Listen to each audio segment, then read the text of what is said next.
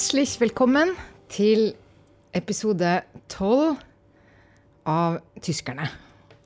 Og kanskje fordi vi om, har snakka om det før, så klarte jeg denne gangen ikke å si 'hjertelig velkommen, men jeg sa det litt sånn på norsk-tysk. Men det gjelder likevel. Velkommen. I dag har vi en helt spesiell episode. Vi har eh, for andre gang en gjest. Dette er da Rebekka Borsch her. Rebekka er medlem i partiet Venstre statssekretær for forskning og høyere utdanning. Hun er også med i landsstyret og leder av Venstres internasjonale utvalg. Men for oss er kanskje det mest interessante nå det at hun er fra Tyskland. Hun kom til Norge i 2003 og ble norsk statsborger i 2011. Hvordan det er å være innvandrer i Norge, det skal vi snakke med Rebekka om. Vi skal selvfølgelig også snakke om politikk og til slutt så har hun hatt, tatt med seg ord. Ja, det gleder vi oss spesielt eh, til, til ordet, eh, ordene. Um, vi tenkte vi må jo være litt tysk og kronologisk og litt effektiv, uh, Rebekka. Så jeg tenkte vi begynner helt uh, i begynnelsen, nemlig hvor du er fra i Tyskland. Det er jo spesielt interessant for meg som også er fra Tyskland, og fra Frankfurt. Uh, du kommer fra Olpe i Nordrhein-Westfalen. Hvor er dette? Hva slags by er dette? altså, først må jeg si tusen takk for invitasjonen. Jeg syns det er utrolig gøy at jeg får lov å være med. Eh, I Tyskerne. Eh, ja, Olpe. Det er eh, et lite sted som ligger seks mil øst for Köln. Mm -hmm. Og det er eh, mest kjent for tre ting. Det, har, eh, det, står på alle de store motorveiskiltene i Tyskland, fordi det er et stort motorveikryss. Ja, så Olpe står på samme høyde som Frankfurt når det gjelder å stå på sånne store skilt, og det er vi litt stolte over. eh, ellers så er jo Olpe bare på 25 000 innbyggere, så det er ganske liten i tysk målestokk. Um, og Tysklands største bryggeri, Krombacher, ligger bare et steinkast unna. Derfor også den tredje attraksjonen i Olpe Olpa Schützenfest. Som man må kunne si et fullekalas som er veldig organisert, mm -hmm. eh, med Schützenkönig og eh, hele pakka. Eh, som er tre døgn med, med, fest, hvor hele byen er stengt. Um, bare menn som har lov å være med i klubben som skyter da, og kan bli konge. Uh, men den store lokale attraksjonen og kanskje høydepunktet for mange i Olp uh, hver sommer. Okay. Så det er bakgrunnen? Det er kanskje litt nyttig i norsk politikk? Jeg vet ikke. ja, nå hadde jeg aldri egentlig en livsplan om å havne i norsk toppolitikk. Nei. Absolutt ikke. Ja. Eh, jeg er jo av bakgrunn eh, journalist. Mm. Og har eh, studie i politikk fra, fra Universitetet i Berlin. Mm. Men Olpe var et fantastisk sted å vokse opp i, det må jeg si. Altså Mye skog og en kjempesvær kunstig innsjø som er drikkevannsreservoaret til Rogebiet. Det er en innsjø på 2,5 mil, så der har jeg bada mye gjennom barndommen min. Mm. Uh, en typisk liten sånn uh, kleinstadt hvor alle vet alt om alle.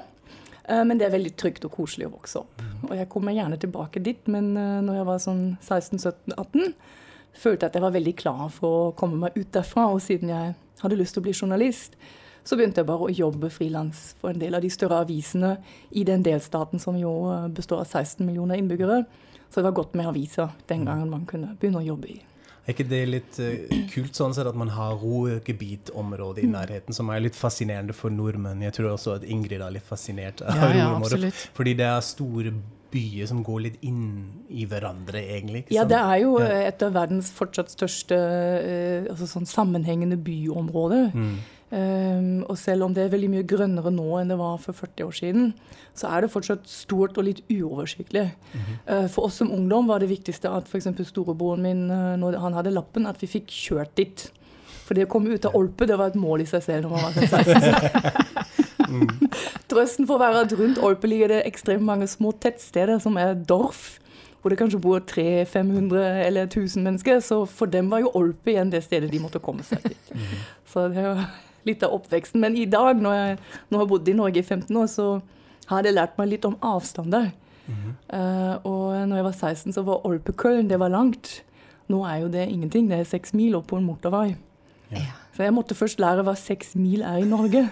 Og det er sikkert dobbelt så lenge i, i tid ikke sant, enn mm. en, en i Tyskland. Så det å, å planlegge lengre kjøreturer i Norge, det gikk ofte skeis de første mm. årene. Det er veldig interessant, fordi jeg har, jeg har, jeg har samme erfaring med det. Det er noe med avstander. Mm. Man har et helt annet forhold til i Tyskland, som selvfølgelig er mye mer tett bebodd. Eh, og man blir fort utålmodig, fordi noe tar en time å komme seg. Ja. Men her er det Ja, Frankfurt for eksempel. Frankfurt-Olpe, det er 17 mil. Ja.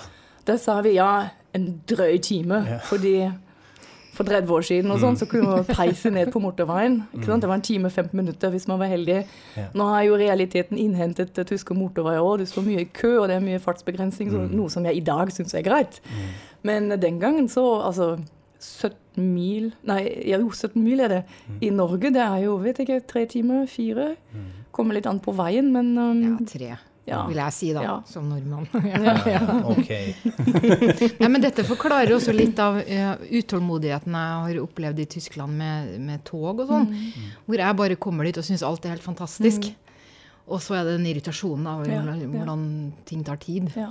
Ikke ja. Men uh, samtidig lærer jeg noe da i dag, at når jeg da reiser i Tyskland, hvor norsk jeg har blitt For jeg blir jo redd når noen kjører raskere enn 150-160. Ja. Og alle i familien min bare sånn 'Å, hva har skjedd med deg? Nå ble du så puse.' Og jeg bare sånn 'Nei, kan dere være så snill eh, gå litt, på, gå litt av gassen?' Så det er, det er noe man, eh, man virkelig ser først i etterkant, hvor mye det å oppholde seg i et annet land så preger hvordan man til slutt blir. Og så tettheten blant folk. Når jeg har vært i Köln i fem timer, så syns jeg det er nok. Mm, det Da er det veldig litt- mye, ja. Ja, litt mange mennesker. Men hvordan ble, hvorfor ble det Norge, da? Hvordan Nei, du, kom du hit? Det, Det store var, spørsmålet. det var jo sånn som med så mange, av kjærligheten. Ja.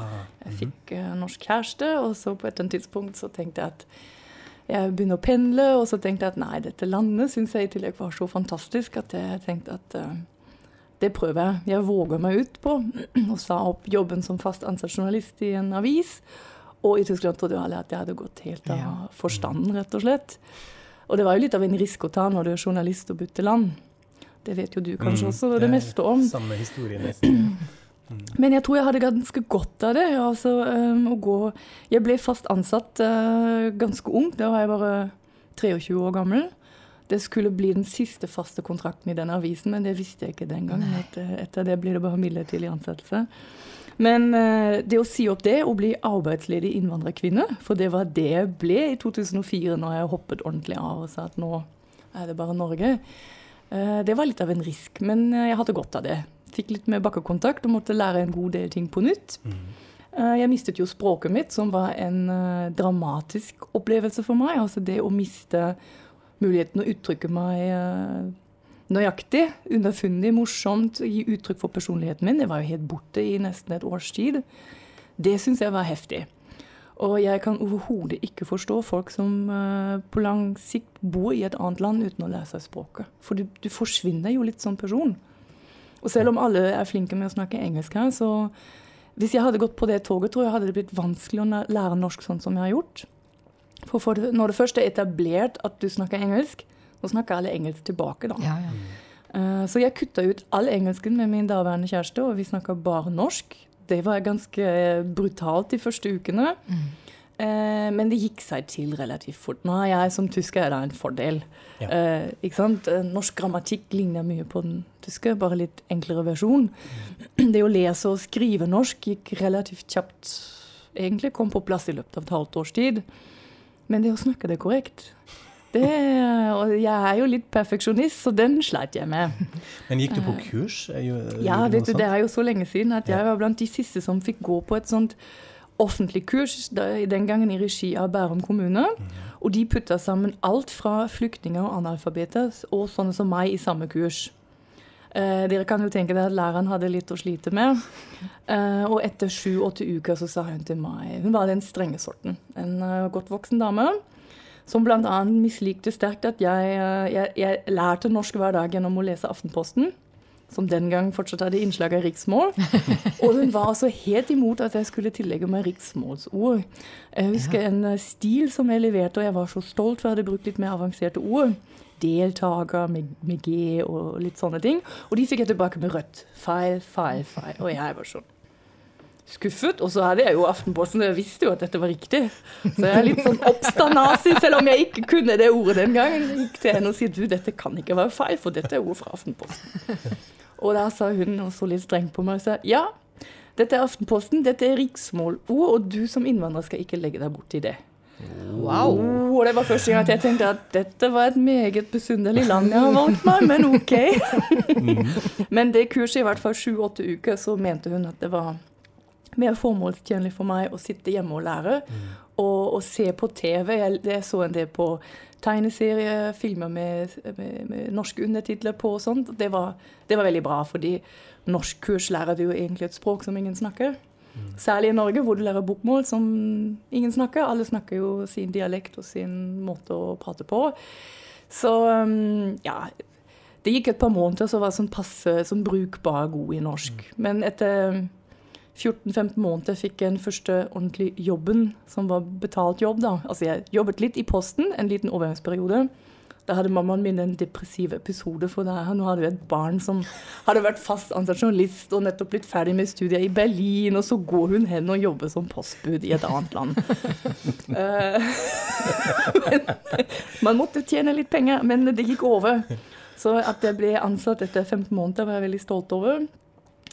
Uh, og derfra, Det var et vikariat, men derfra fikk jeg en jobb i Europabevegelsen som informasjonsleder. Og da hadde jeg vært inn, raskt inn ja, i da hadde jeg vært i Norge i halvannet år. Ja. Og altså, for å si det sånn, Det gikk ikke lange tid. Jeg studerte jo eh, bl.a. i Berlin også i europeisk integrasjon, så det gikk ikke lang tid før jeg skjønte at dette var en veldig artig konflikt. Men hvor dyptgående og alvorlig den var, lærte jeg jo først gjennom europabevegelsen. Og jeg er jo en, eh, en europeer av mitt hjerte, og jeg tror veldig mange tyskere har dette fredsperspektivet. og at EU var kanskje billetten vår tilbake, i, tilbake til vanlig fellesskap av nasjoner. Eh, den kolliderte veldig med den hissige norske Ja. debatten og konflikten om hvorvidt EU er mm. en vedstyggelighet eller liksom fredsstand. Det var en veldig unyansert debatt. Det er det fortsatt den dag i dag, bare at den er ganske død, da. Men det er rart, fordi jeg har akkurat samme erfaring. Det, det tar faktisk litt tid for, for, før man skjønner dette, hva, hva det betyr for nordmenn. Det er- har en helt annen kontekst eh, som vi er vant til fra Tyskland. Eh, og eh, ja, den er, den er ikke over. Altså, Men det har jo jeg også når jeg har vært i Tyskland. Eh, det er jo mange som tar opp dette spørsmålet hvorfor er ikke dere i EU? Hvis, for mange vet jo det. Og da mm, Jeg prøver liksom å forklare litt, men det ender gjerne med sånn Ja, det- men det betyr litt sånn nasjonalisme, eller Og så er det jo vanskelig å si sånn helt kategorisk nei, nei, overhodet ikke jeg på det. Men eh, nei, det er ikke så lett å forklare og ikke så lett å, å skjønne, da. Men altså, grunnen til at jeg nevner europabevegelsen nå, er at det var egentlig den døren som åpnet min vei inn i politikken. For absolutt alle som var aktive der, var med i et parti. Og jeg har alltid vært eh, samfunnsengasjert. sånn av den typen som, som journalist. Veldig nysgjerrig på ting, veldig interessert i hvordan samfunnet eh, egentlig blir til, og hva som holder det sammen. Men også den som sitter på sofaen og irriterer seg over Dagsrevyen over alt som går eh, dårlig og sånt. Sånn var jeg. Så når jeg møtte alle disse menneskene som var politisk aktive, og i og med at man hadde gitt meg tydelig beskjed at det, det å jobbe som journalist i Norge, det kan du bare glemme, for du vil aldri bli god nok i norsk, det var i hvert fall det jeg ble, ble fortalt i starten, så tenkte jeg ja, kanskje jeg kan engasjere meg litt selv. Um, og så lærte jeg jo etter hvert at Arbeiderpartiet eksempel, i Norge hadde en mye sterkere kraft fortsatt enn hva tyske SPD hadde den gang jeg vokste opp. Og at Norge på noen måter var litt sånn litt firkantet og fortsatt litt lite utvalg på en del ting. og litt sånn. Så jeg, jeg skjønte jo fort hvilke partier jeg kanskje ikke var så tiltrukket av. Men når jeg oppdaget um, Venstre, og de menneskene som var aktive i Europabevegelsen fra Venstre, det var kanskje litt mer nerdene. Eh, morsomme folk, i hvert fall. Så jeg oppdaget da dette partiet, og det jeg likte godt med Venstre, og fortsatt liker godt med Venstre, at de er en blanding egentlig av tyske liberale og tyske grønne. Etter at de grønne på en måte har vokst opp. De har jo eksistert i Tyskland mye lenger enn i Norge. Eh, så Venstre kombinerer jo en tydelig miljø- og klimaprofil med liksom troen på individet og friheten til den enkelte uten at man Uten at man glemmer de svake, fordi det sosiale engasjementet syns jeg også er viktig. Så den blandingen likte jeg godt. Og jeg tror vel at jeg aldri hadde blitt politisk aktiv hvis jeg hadde fortsatt å bo i Tyskland. Det er veldig Jeg har jo uh, rapportert mye fra Tyskland til Norge mm. om tysk politikk. Og jeg syns jo det har vært vanskelig både selv å forstå og det å forklare særlig eh, FDP, eh, Fridemokratene, i norsk kontekst. da. Fordi man sier jo ikke helt ja, det, sier man ja, det ligner litt på Venstre. Men så er det en del ting ved det som ikke er så Venstre. Altså, hva tenker du er liksom de største forskjellene mellom FDP og, og, og, Venstre? Det som gjør dette litt vanskelig, er jo at partiet også er i endring. Og mm. Når jeg var ung og praktikant i tysk eh, eh regjeringskvartal for en tysk korrespondent, så hadde jeg lov å være med på Genscher sin 70-årsdag på Petersberg. Wow. Det, var så, det, var så, stort den gangen. Jeg kjøpte meg eh, første skjørt og dressjakke i hele mitt liv pga. det. Genscher som var tidlig utenriksminister? Ja, og han var tidlig utenriksminister for mm. FDP, altså for de liberale i Tyskland. Mm. Og han og hans generasjon i liberale de sto veldig inne for rettsstatsprinsippene for frihet, for rettferdighet. Eh, veldig også europavennlig. Eh, det var en type liberalisme som jeg kjente meg veldig igjen i. Um, så det finnes flere fra den generasjonen som jeg så opp til, som jeg syntes var spennende mennesker. Eh, det jeg vil kritisere med dagens FDP, er kanskje dette innslaget av europaskeptisisme, som jeg opplever nesten som et svik. Um, at de gå litt inn i den litt sånn den innvandrerkritiske holdningen som gjerne er litt sånn strategisk, altså plassere seg strategisk. Uh, at de mangler fullstendig klima- og miljøprofilen, som jeg syns uh, også i et liberalt perspektiv, hvis du ser dette i et generasjonsperspektiv, da, så er det vi ikke gjør på miljø og klima i dag, med på å ete opp friheten til dem som kommer etter oss. For deres livsfrihet blir antageligvis innskrenket hvis ikke vi stanser klimaendringene. Mm. Så jeg syns dette er min kritikk mot, mot FDP, og så syns jeg kanskje de er litt for mye fortsatt i den at de skal henvende seg til dem som tjener litt over snittet og er litt sånn finansfolk. Mm. De er for smale, syns jeg, og de er litt mer liberalistiske. Men hvordan er det den andre biten, altså med grønnparti? fordi Det syns jeg er mest fascinerende. fordi eh, Når jeg ser litt nærmere på Venstre, så kjenner jeg igjen grune perspektivet mm. der. Mm. Men Grønnpartiet Norge har en sånn annen vri, eller blir i hvert fall i befolkningen fremstilt på en helt annen måte. Hvordan forholder seg Venstre til dette, mm. både til grønne i Norge og de, i Tyskland? Uh, altså jeg husker jo De grønne også fra 80-tallet, når jeg var barn. og De mm. oppdaga, eller de kom for første gang inn i, i parlamentet og uh, stilte opp i, i jeansbukse og, og uh, sneakers, altså tornsko het det den gangen. Og det var sånn revolusjon. Og de var jo veldig radikale. Um, og det er overhodet ikke nedlatende ment, virkelig. Men, men, de grønne i Norge i dag de minner meg litt om de grønne i Tyskland på 80-tallet, fordi de er mye mer radikale. Mens de grønne i Tyskland har på en måte, de har et regjeringsansvar og ble jo kasta inn i Balkankrigen bl.a. Mm. og fikk en veldig realitetsorientering også under Joschka Fischer. Og jeg vil jo si at de er mye mindre radikale i dag enn de var på 80-tallet. Mm. Sånn at man kan si at enten ja, at de har blitt avvoksne eller har mistet litt av uh, den, den, integriteten eller liksom den standhaftigheten og radikaliteten de hadde i starten. Mm. Eh, men så er det alltid feil å sammenligne partier på tvers av landegrenser én til én. Jeg tror de grønne i Norge er seg selv og ikke det samme som de grønne i Tyskland uansett. Det har også litt å gjøre med hva slags utfordringer et land står overfor. De grønne i Tyskland, når de ble store, så var det jo pga. Eh, kjernekraftkonflikten og, og waldsterben, altså den mm. tyske skogen led under nedbør og sånne ja. type ting. De Grønne i Norge er jo blitt sterke og har kommet ordentlig på, eh, til synlighet. Fordi man ikke klarer å um, Man klarer ikke politisk å håndtere godt nok det at vi skal vokse altså økonomisk hvert år, og at vi innser at planeten er begrenset. Uh, og den debatten har jo De Grønne tatt godt grep om, og de skal ha honnør for det òg. Ehm, det er ikke sånn at de har alle løsningene heller, men debatten har endret seg veldig fra enkeltvise miljøproblemer til systemspørsmålet. Er systemet vårt bærekraftig? Og hvis nei, hva gjør vi med det? Mm. Og så langt har jo ikke noe parti i hele verden et godt nok mm. svar på det. Vi har ikke engang gode teorier på hvordan vi løser det. Mm. Uh, hvis vi zoomer litt ut mm. uh, og snakker om politikk, og sammenligner kanskje den politiske kulturen generelt uh, i Norge og Tyskland, hvor ser du liksom de største forskjellene? Ja. I og med at jeg aldri har vært politisk aktiv i Tyskland, må jeg være litt forsiktig og kan bare si det utenfra. Uh, tysk politikk har for meg alltid vært sånn superstabilt på grensen til det kjedelige. Altså, De grønne var jo det morsomste vi hadde lenge. Uh, ikke sant? Friske ideer og en litt annen type å opptre på.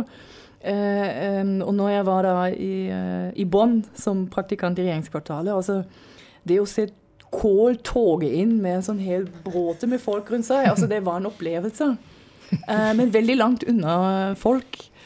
Eh, I Norge er avstanden mye kortere. Du ser statsministeren kan tusle rundt eh, i byen og kanskje ha med seg en eller to, men altså mye mer down to earth. Um, som sagt, kortere avstand enn Norge er altså et mye mindre samfunn. Det er kanskje ikke så rart. Men tysk politikk var alltid veldig veldig alvorstynget. Eh, jeg har jo også med meg dette med etterkrigstiden veldig sånn fra barndommen. altså eh, det fins ikke sånn nasjonal eh, stolt i meg. Det, det, er bare ikke Jeg har alltid en sånn antireaksjon, nesten. Mm. Fortsatt den dagen i dag, selv om det er blitt mye mer avslepet med årene. Men uh, veldig alvorstynget politikk. Um, veldig sånn redelig og veldig sånn stabilt. Og opptatt av gode forhold med alle naboland. og egentlig er litt sånn en, en voksen stormakt som er veldig reluctant. Uh, egentlig uvillig til å innta den rollen. I, I, dag er jo tysk politikk fullstendig kaos sammenlignet med hvordan den var for 20 år siden. Altså Med inntoget av AFD. Først fikk vi Piratpartiet, som jo var en revolusjon, og så falt den sammen.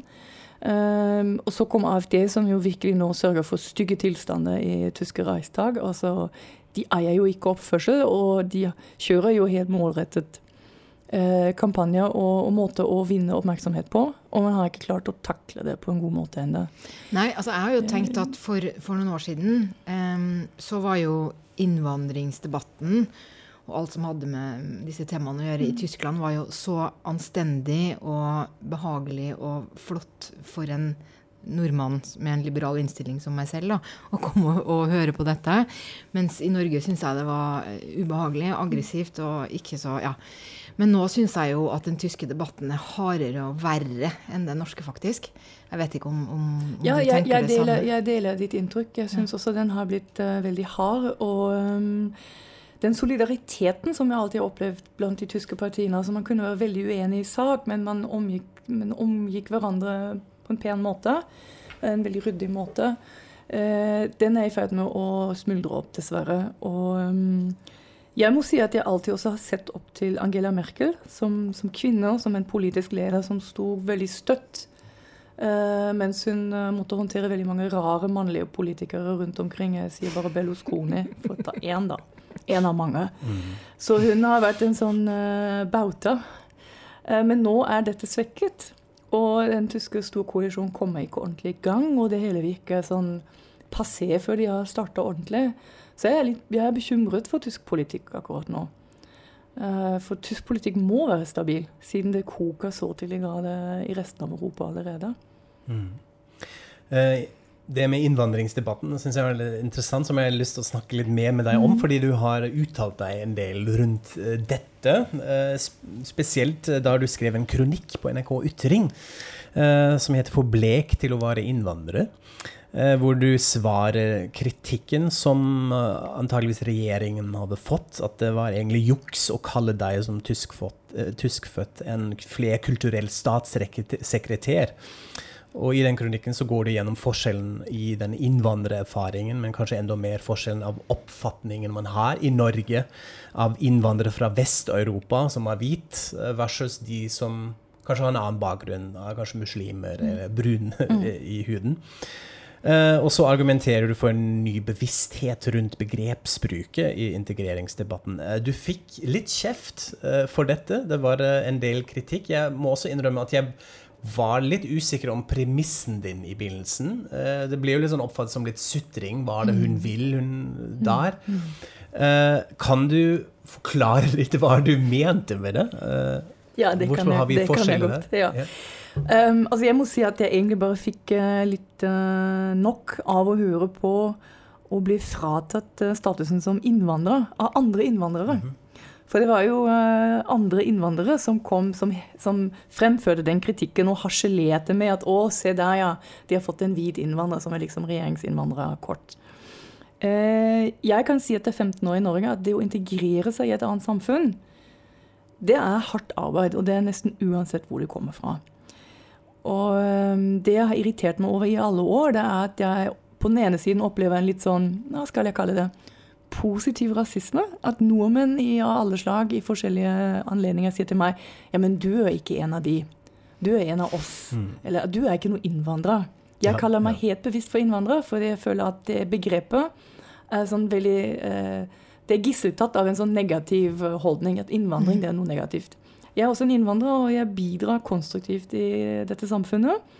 Um, jeg har skrevet en hel rekke kronikker gjennom årenes løp, bl.a. når det kom et sånt innvandrerregnskap om at innvandrere jo helst ikke bør bli gamle i Norge, for da koster de staten for mye. og litt sånn. Hvor jeg da poengterte at jeg kom til Norge fiks ferdig utdannet, flaska opp av en annen nasjon. Alt er betalt, hele utdanningen, og jeg betaler skatt nesten fra dag én. Så jeg går ufattelig i pluss sammenlignet med alle de innfødte. Så jeg har prøvd å stikke fingeren i det vepsebolet et par ganger. Veldig vellykket, får masse kjeft hver gang. Men jeg, jeg syns det er nødvendig, jeg koser meg litt med det òg. Eh, det morsomme var at jeg fikk, etter den kronikken om uh, for blek til å være innvandrer, uh, ganske mange tilbakemeldinger fra andre europeiske såkalte hvite innvandrere. Som sa tusen takk for at du tar til orde for den uh, tematikken. jeg føler også at jeg ikke får aksept og anerkjennelse for at jeg hadde gjort en jobb for å bli del av Norge. Det var mm. veldig mange som pekte på. Og også veldig mange som syns at de egentlig blir oversett i integreringsdebatten i Norge. altså Når man snakker om integrering og innvandring i Norge, så er det alltid underforstått eh, innvandrere med ikke-vestlig bakgrunn, og gjerne muslimer. Mm. Men 60% av dem som er innvandrere i Norge, de har kristen bakgrunn. Og det er ikke sånn at bare fordi du kommer fra Polen eller Frankrike eller Tyskland, at du integrerer deg av deg selv. Eh, jeg har i årenes løp også vært i kontakt med en del arbeidsinnvandrere som fortviler over at når de f.eks. havner i trøbbel på jobben, eller blir sagt opp, at de da opplevde at det var for lite mulighet til å få hjelp. Mm. Det finnes også studier f.eks. fra jeg tror Agder, hvor man har ganske mange polakker. at eh, Det fins eh, eksempler på at også polske barn som er født i Norge, ikke nødvendigvis blir norske. At de eventuelt ikke lærer norsk, at de bor veldig sammen med andre polakker. Så dette er ikke avhengig av hvilket kontinent du er fra. Så jeg etterlyser egentlig en mer differensiert innvandrings- og integreringsdebatt. Mm. Nå har jo heldigvis eh, departementet jeg jobber i, Kunnskapsdepartementet, fått ansvar for det. Så jeg håper at vi de neste årene faktisk kan eh, bidra til at, dette, at debatten blir bredere. Og at også tiltakssiden blir bredere.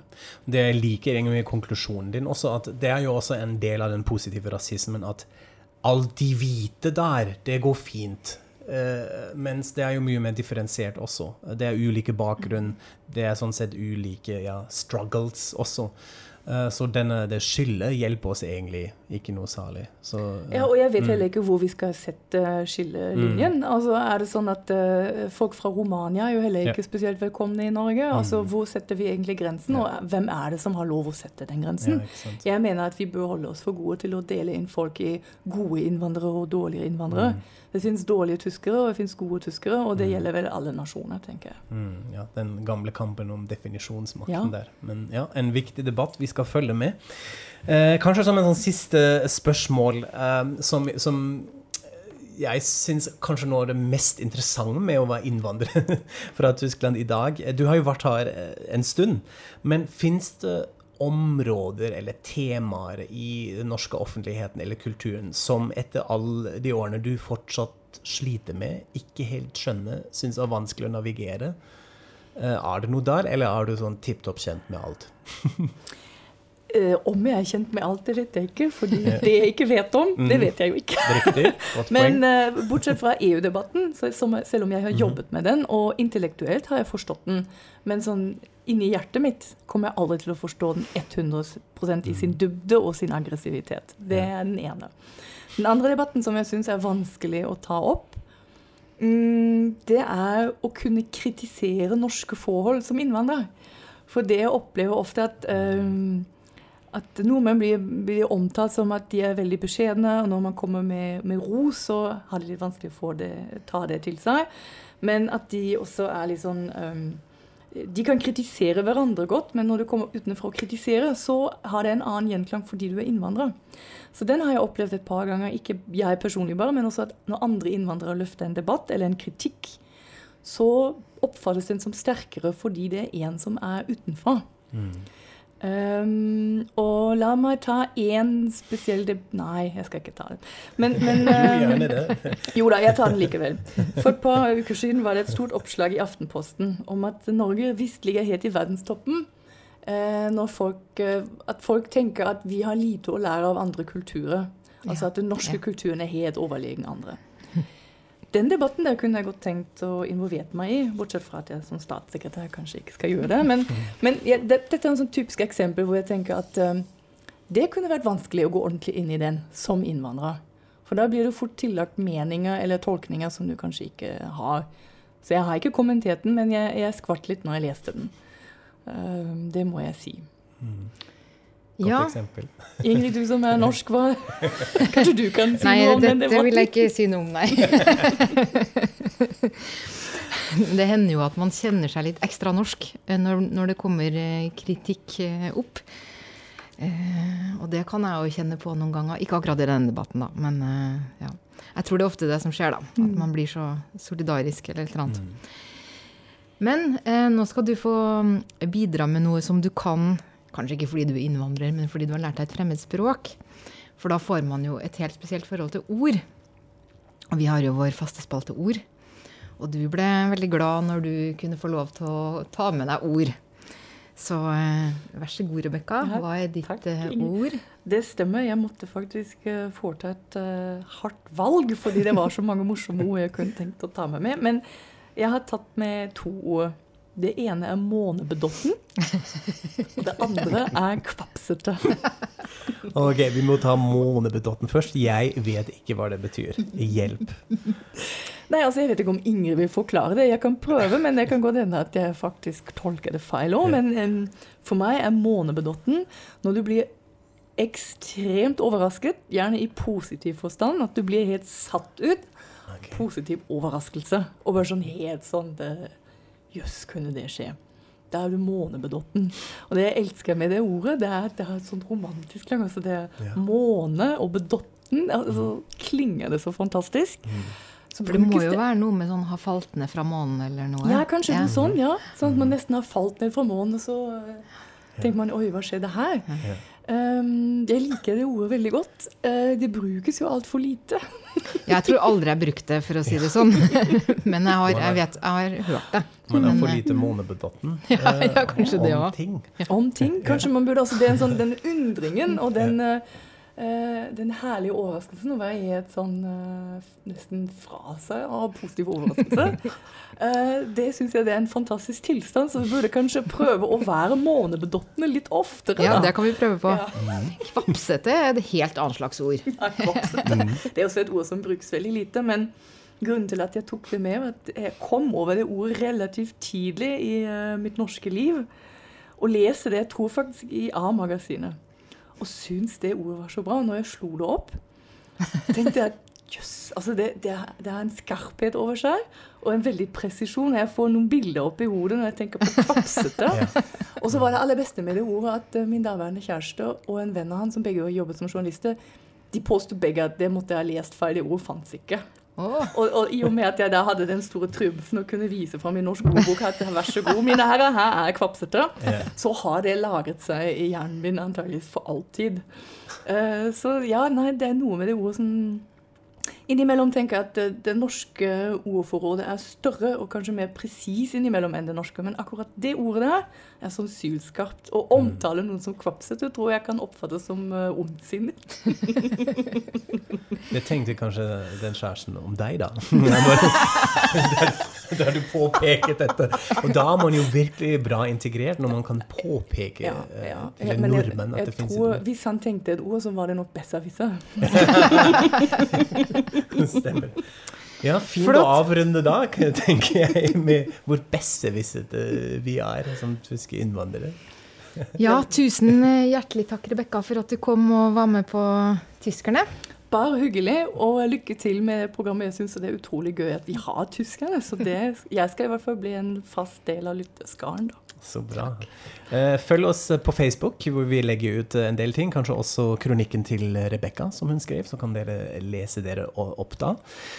Takk igjen, Rebekka. Takk, Ingrid. Vi sier takk til vår lydtekniker Sven her på Westerdals, og til dere sier vi auf Wiederhøen.